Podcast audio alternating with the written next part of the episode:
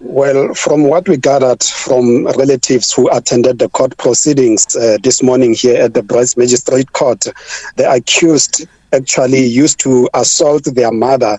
At one stage, he assaulted her until she fainted or she became unconscious. And uh, he was arrested for that incident. And uh, the mother obtained two restraining order against her son uh, which now she is taking uh, those restraining order to the grave uh, because apparently the police couldn't enforce those restraining order. They were staying in the same yard. The accused was staying in the back rooms. So on this uh, particular day, on the fateful day when he attacked his mother, he, he, just went into the mother's bedroom while she was sleeping. Apparently the mother was even uh, bedridden. She was sick and he, he, he, he just lit her throat with a very sharp uh, knife. And uh, after that, she made the mother handle or uh, keep that knife as if she committed suicide. But police investigation uh, investigations revealed that it was not actually a suicide. The mother was not even that brave that she can commit suicide uh, by stabbing herself uh, in the throat. So they uh, search around the house until they find the guy uh, in the back room. Uh, this after they were alerted by the 17 year old younger sister to, to, to, to, the accused when she arrived from school and she found her mother uh, in cold blood uh, or in a, a, pool of blood. So that's when the police came and uh, investigated, and they found the accused uh, in one of the back rooms. That's when he was arrested. We we are not sure of the exact motive from the the, the, the, the relatives who attended the court proceedings. They said he, he grew up uh, being a very nice gentleman, but suddenly things changed. Maybe because of unemployment, uh, community members suspect maybe he was on drugs, but he never revealed uh, himself as someone who was in drugs. We, we also spoke to a relative who attended the court proceedings, Mr. Heritage, and this is what he had to say. Uh, the reason why irritated, so I'm not sure. And I cannot comment on the motive that I gave being one. However, the incident was confirmed by my little sister. e e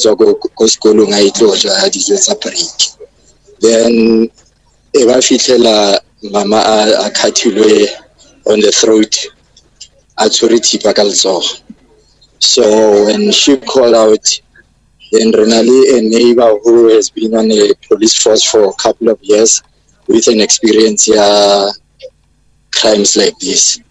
Then ntate a be a kena ka ntlong ka speed a checka gore go iragetseng. Then upon that uh, bitsa law enforcement SAPS then e be ba checka everything. Then they took all every uh, the swipes everything. Then they found out that it wasn't actually a, a suicide, it was just a staged suicide, only to find out it was a murder.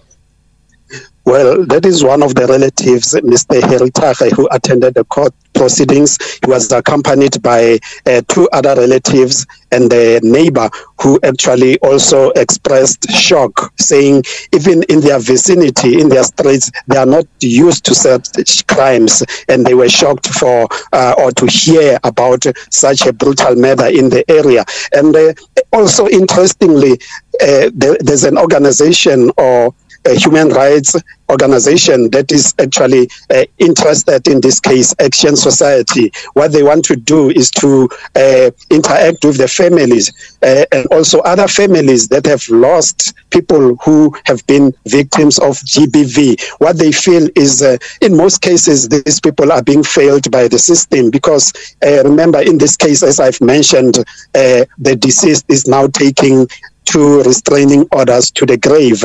And we also have another story that we did two weeks ago in Mamelodi, where a, a, a, woman was doused with petrol by her abusive boyfriend, and she's still in a critical condition in hospital. So Action Society is saying these families have a recourse to sue the state both the police and the Justice Department, because remember, the restraining order is issued by the court. Uh, which is the responsibility of the Justice Department. And police have to enforce that restraining order. And in this case of Letlabile, uh, an accused was arrested earlier for assaulting his mother. And then later, he was released again in the, to the same address, which means uh, the mother was supposed to have seen where she hid herself from her own son. But unfortunately, uh, today we are reporting about her death. Well, Fanuel, uh, we are going to leave that there for the time being, but thank you so much uh, for the update uh, in this case. That was our reporter, Fanuel Schumer.